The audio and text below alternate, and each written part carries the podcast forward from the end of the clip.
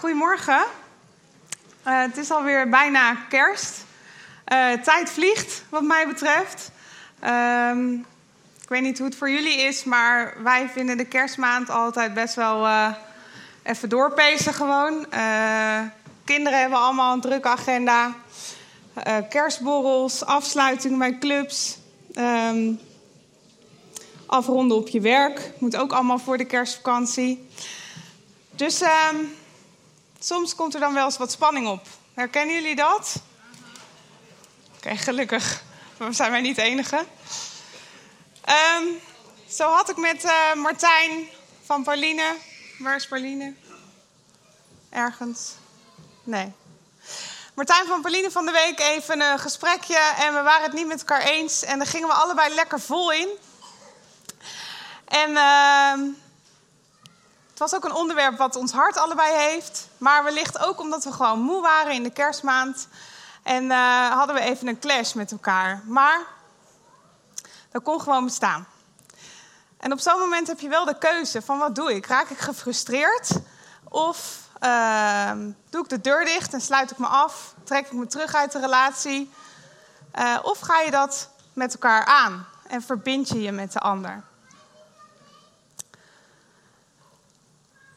Wij als uh, Vineyard Utrecht hier zijn in een tijd dat het beeld van het lichaam, jullie zien het zo op de beamer als het goed is, uh, steeds terugkomt.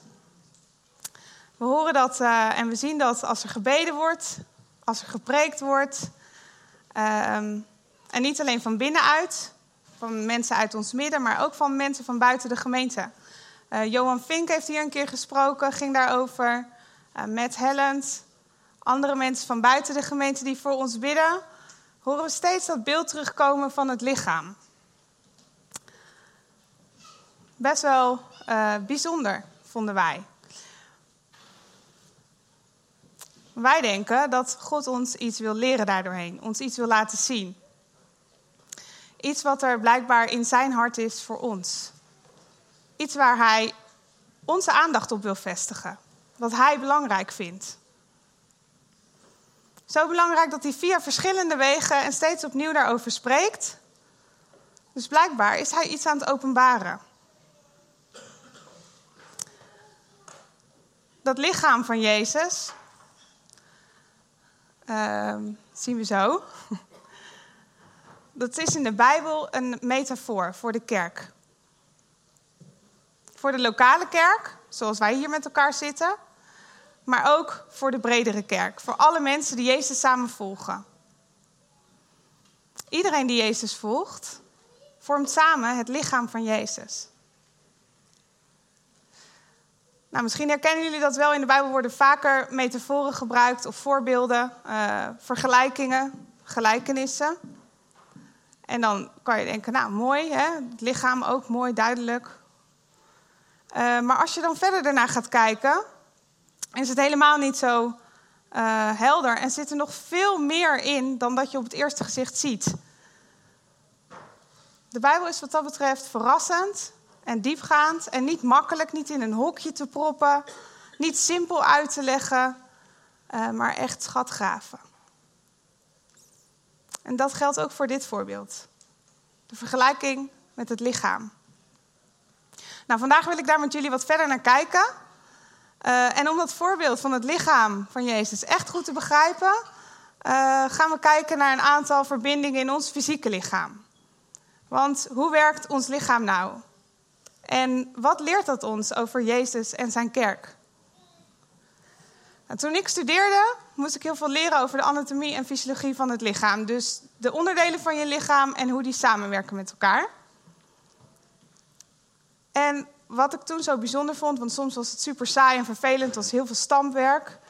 Maar ook bijzonder om te zien tot op welk superklein detailniveau uh, alles met elkaar samenwerkt, een bedoeling heeft, een plek heeft. Dat daar zo over is nagedacht. En dat alles met elkaar samenhangt, verbonden is en samenwerkt. Ik wil eerst even met jullie kijken naar uh, een stukje in de Bijbel. De brief aan de uh, kerk van Efeze. Hoofdstuk 4. En dat is een brief die door een van de boodschappers van God is gestuurd aan die kerk. Een van de allereerste kerken ehm, aan het begin, nadat Jezus naar de hemel was gegaan en de Heilige Geest was gekomen. Dus ik lees vanaf vers 1 met jullie.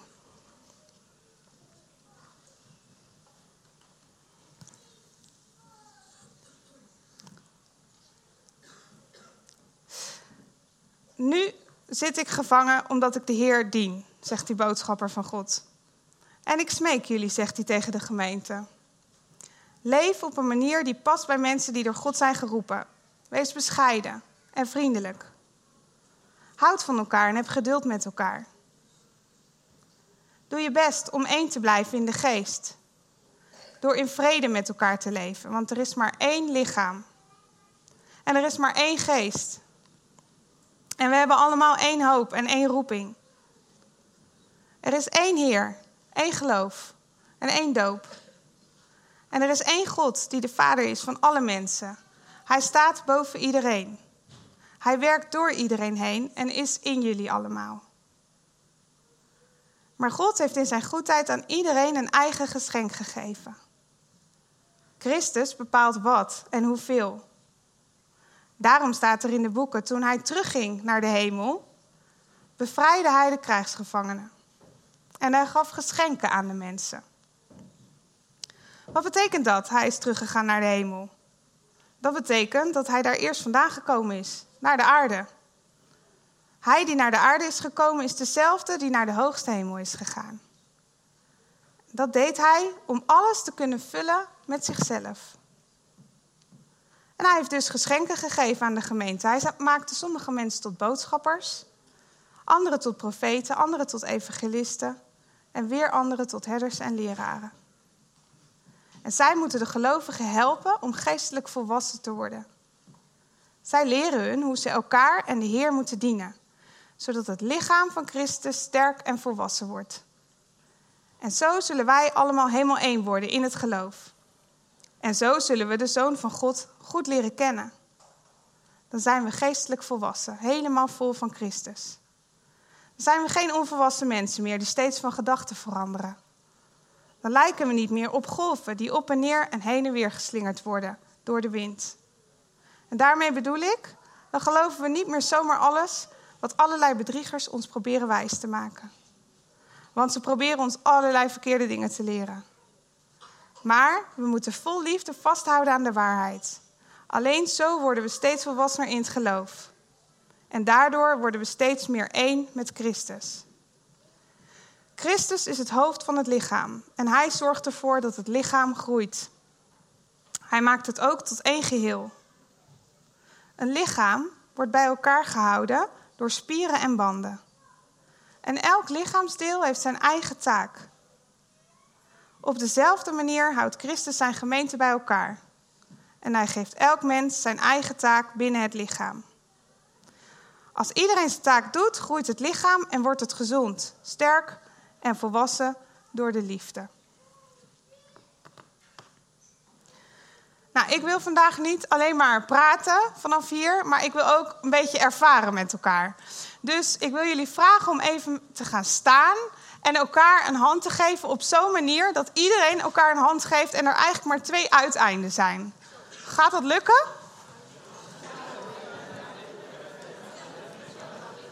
Ik zie nog losse handen. Ja, zijn er nog losse handen ergens? Ja, daar? Deze kant is moeilijk, hè? Ja, volgens mij hebben we hem of niet? Nee. Oh, hier is een korte een, een onderbreking in de lus. Hoe maken we die goed? Oh nee, dit is het einde. Ja? Oké. Waar is het begin? Hier. Oh, goed. Geef maar een kneepje. En dan mag iedereen het kneepje doorgeven. Begin maar. Geef maar een knijpje. Waar zijn we? Oh ja. Oké. Dit is gaat best goed, toch?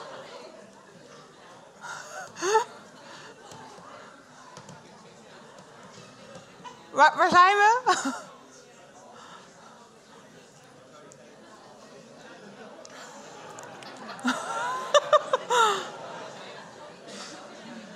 Ja, gaat lekker jongens. We zijn er bijna.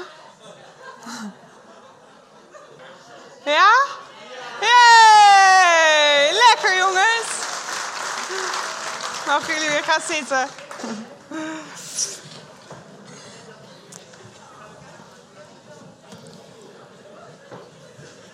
Best ingewikkeld, toch? Of niet? Wie, wie vond dit snel gaan? Een paar mensen. Wie vond het langzaam?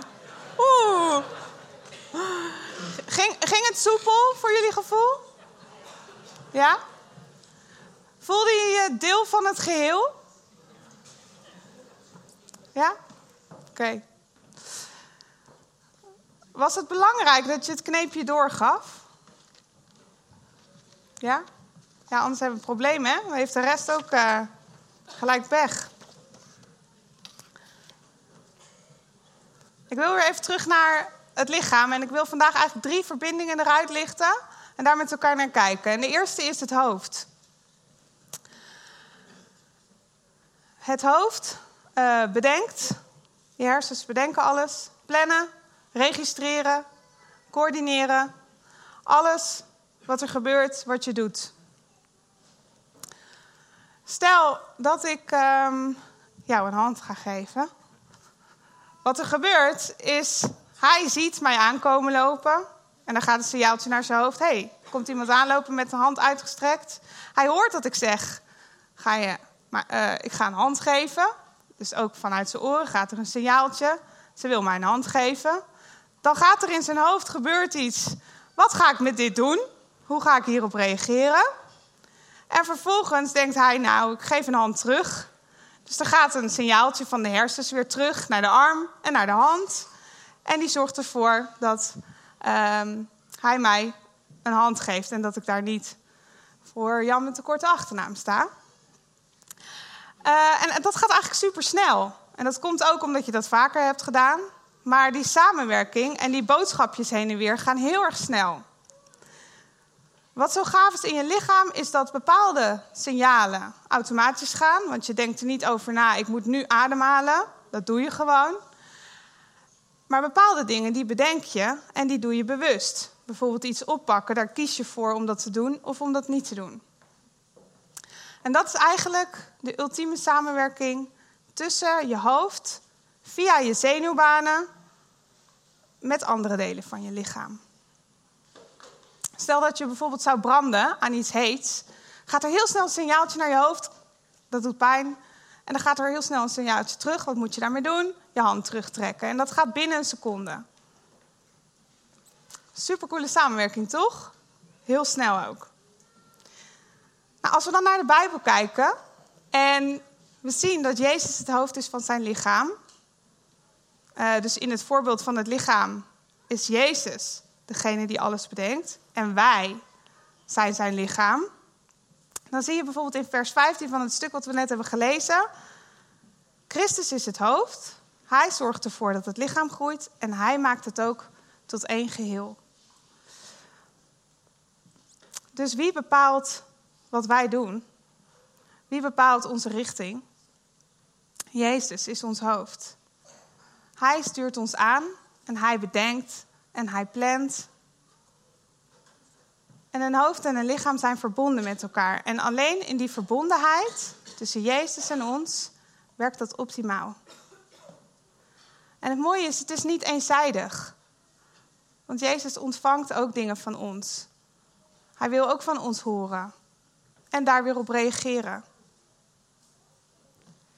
Nou, er zijn verschillende verbindingen, zei ik net al, in het lichaam. Die zenuwbanen zijn er één. En daar staat ook wat over in uh, die brief in Efeze 4. Namelijk dat er boodschappers zijn gegeven aan de kerk. Um, cadeautjes in de vorm van een mens. Bijvoorbeeld profeten, mensen die goed nieuws brengen, herders. En die cadeaus die heeft God zelf een plek gegeven in het lichaam. En het is aan het lichaam om die boodschappers te ontvangen. Wil ik naar de volgende verbinding, de verbinding van de bloedvaten. Mijn oog valt op jou, ik denk ineens, jij bent arts hè? Als ik iets verkeerd zeg, moet je het zeggen. Klopt het tot zover? Oké. Ehm, bloedvaten. Andere vorm van verbinding. Jullie zien hier een plaatje van bloedvaten in het lichaam.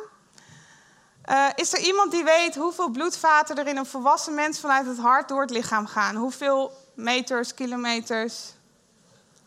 Weet iemand dat? Je mag niks zeggen. 7 kilometer? 50.000? Komt al dichter in de buurt? Nog meer? 100.000 kilometer bloedvaten, bizar, in een volwassen mens.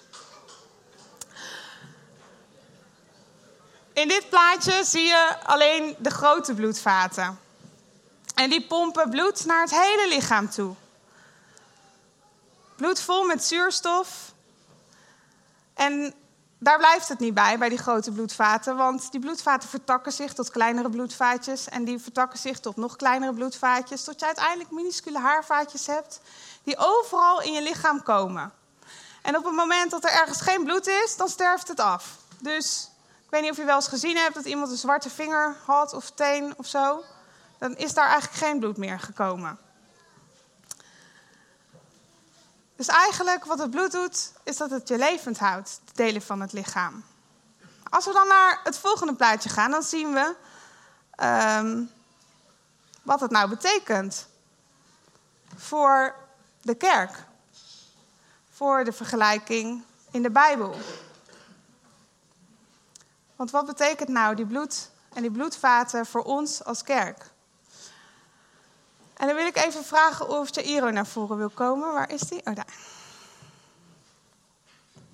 Want om dat goed te begrijpen gaan we kijken naar het kruis. En dit is mijn zoon Jairo. De meeste van jullie zullen dat wel weten. En ik ben echt heel trots op deze jongen. Hij is uh, vriendelijk en behulpzaam naar anderen. Gezellig, houdt van grapjes. Een echte leider in zijn groep. Ik ben heel trots op hem. En hij is mijn zoon. Een deel van ons gezin en ik hou van hem. En nou wil ik iemand een vraag stellen. Die, iemand die eerlijk durft te zijn. Roland, jij denk ik?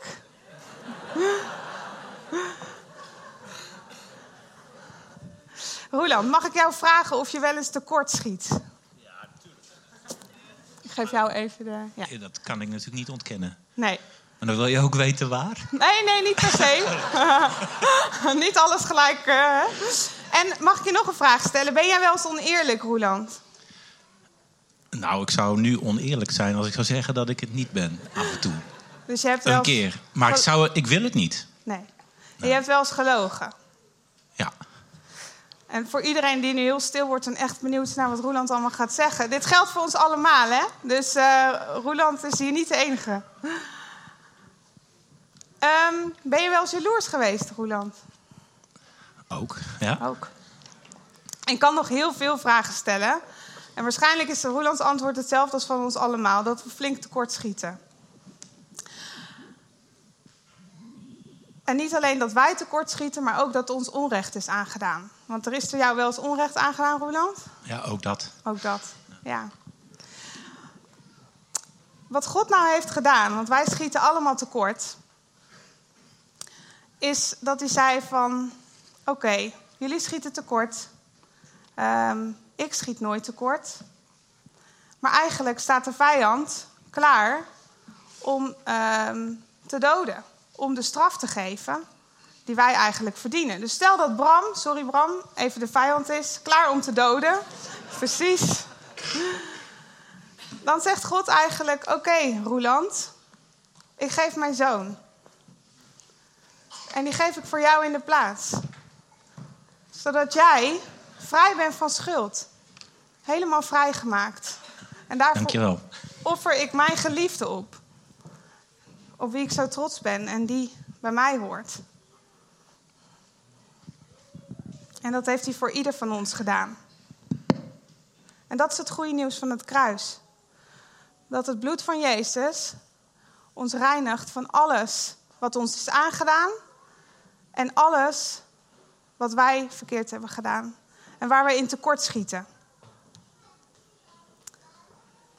Ook in Efeze 4 lezen we erover. Er staat een één lichaam en één geest. Net zoals ook jullie werden geroepen. Er staat ook wel bij je naam genoemd, geroepen. In de hoop van jullie roeping.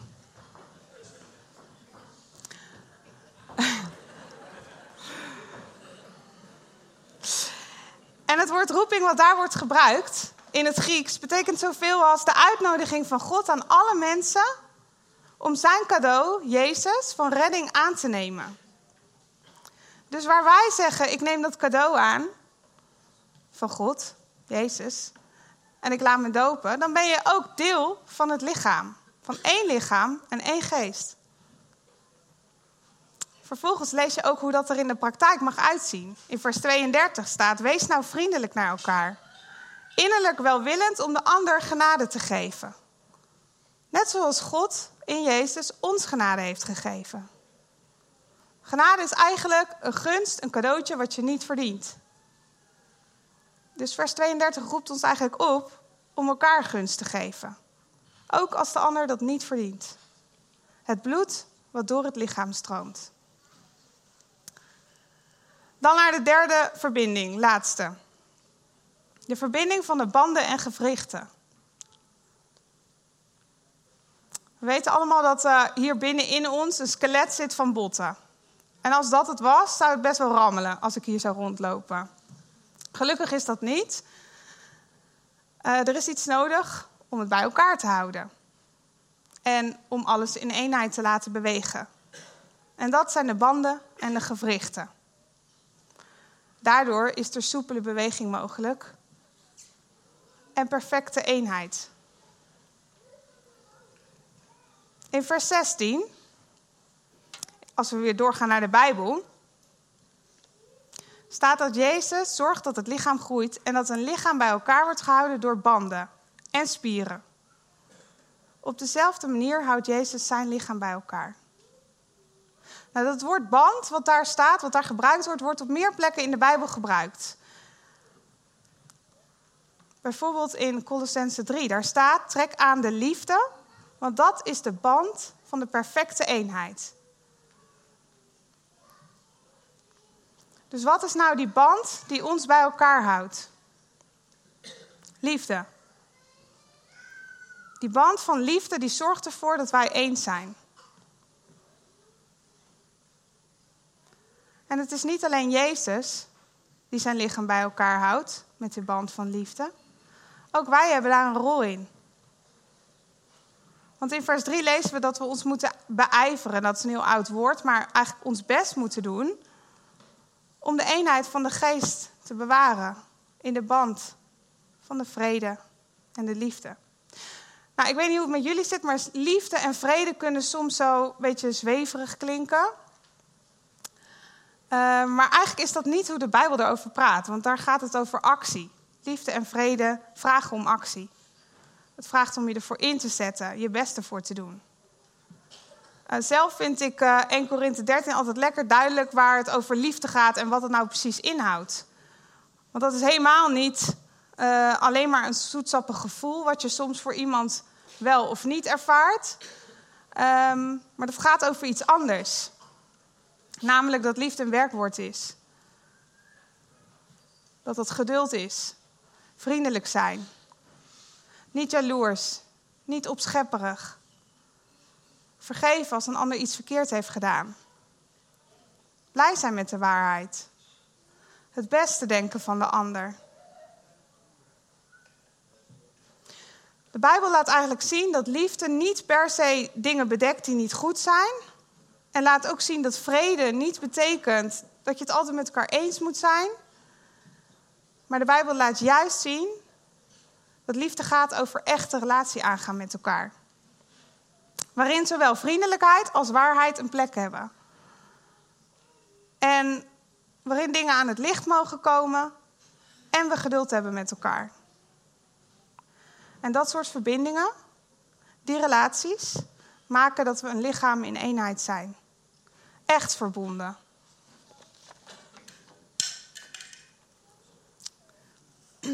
Wie um, heeft het nieuws van de sport gevolgd? Als goed komt er zo een Plaatje. Iemand? Ja. Zielig? Ja. Terecht, hoor ik.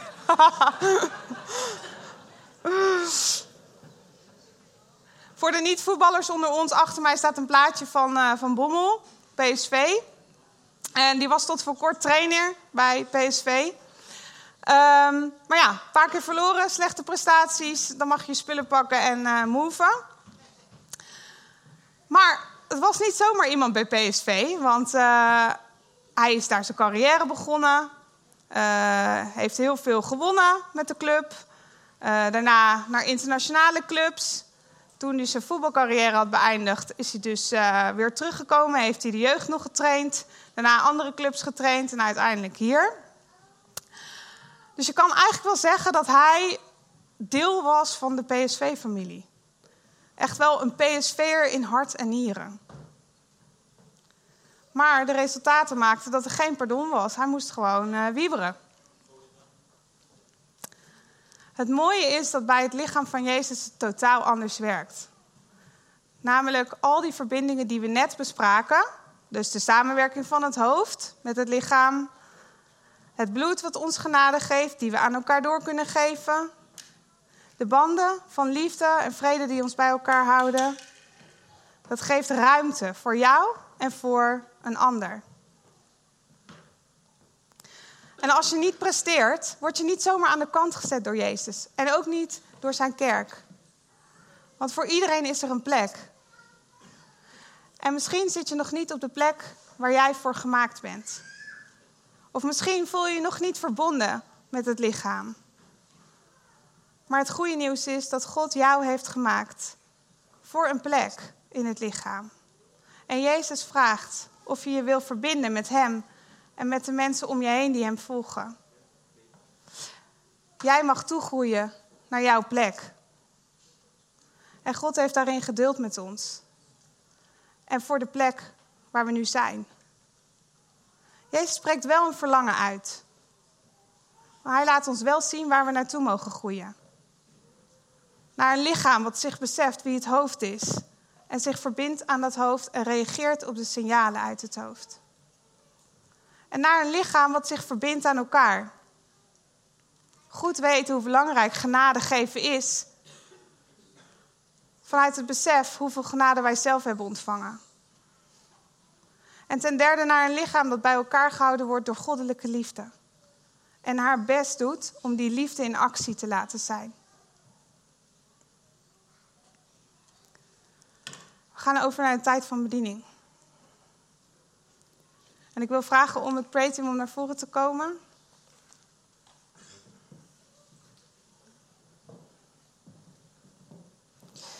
En in de tijd van bediening hebben wij altijd ruimte om te luisteren naar wat God aan het zeggen is op dit moment. Um, en het kan zijn dat je dat in je hart voelt, of iets zeker weet, of lichamelijk voelt, of iets denkt. En daar willen wij graag op reageren. Uh, dus er zal ook ruimte zijn voor gebed. Um, als je dat wilt ontvangen, kom vooral ook naar voren. Ehm, deze mensen uh, zijn geoefend en getraind. De boodschappers, om maar even zo te zetten, zeggen. En zij zullen ook nu kijken um, wat God aan het doen is. En daarop reageren en jullie daarin eigenlijk dienen. Meebewegen met wat God aan het doen is. Ik wil kort nog één tekst lezen en uh, je vragen om je hart op God te richten. Misschien wil het aanbiddingsteam weer terugkomen. Zijn jullie? Nou ja. Want er is maar één lichaam en er is maar één geest. En we hebben allemaal één hoop en één roeping. Er is één Heer en één geloof en één doop. En er is één Vader, die de Vader is van alle mensen. Hij staat boven iedereen, hij werkt door iedereen en hij is in jullie allemaal. Kom, Heilige Geest. Wil u ontmoeten, papa? Dank u wel dat u ieder van ons persoonlijk wilt ontmoeten.